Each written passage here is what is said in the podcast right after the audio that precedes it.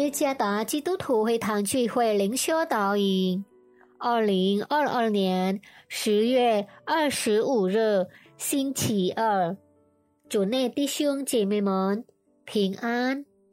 今天的灵修导引，我们会借着圣经哥林多前书第十三章第四到第五节，十六章十四节来思想今天的主题。爱是顺服的证据。作者吴恩惠传道，《哥林多前书》十三章第四到五节。爱是恒久忍耐，又有恩慈；爱是不嫉妒；爱是不自夸，不张狂，不做害羞的事。不求自己的益处，不轻易发怒，不计算人的恶。哥林多前书十六章十四节：凡你们所做的，都要凭爱心而做，在爱中做所有的工作，是一个命令。爱必须发自内心。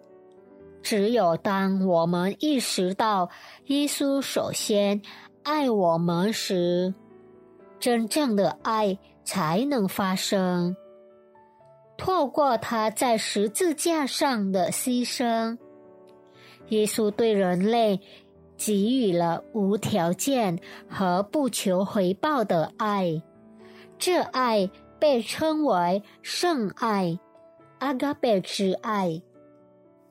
今天的经文说：“爱是恒久忍耐，又有恩慈；爱是不嫉妒；爱是不自夸，不张狂，不做害羞的事，不求自己的益处，不轻易发怒，不计算人的恶。”第十六章十四节。提醒我们做任何事都要基于爱，愿意牺牲而不求回报，愿意付出最好的而不求取私利。参看马可福音十二章四十一到四十四节。一颗充满神之爱的心，会以爱。平安、喜乐，做每一件事，并且会成为他人的祝福。例如，做家务、做饭、教育孩子，以及所有其他责任。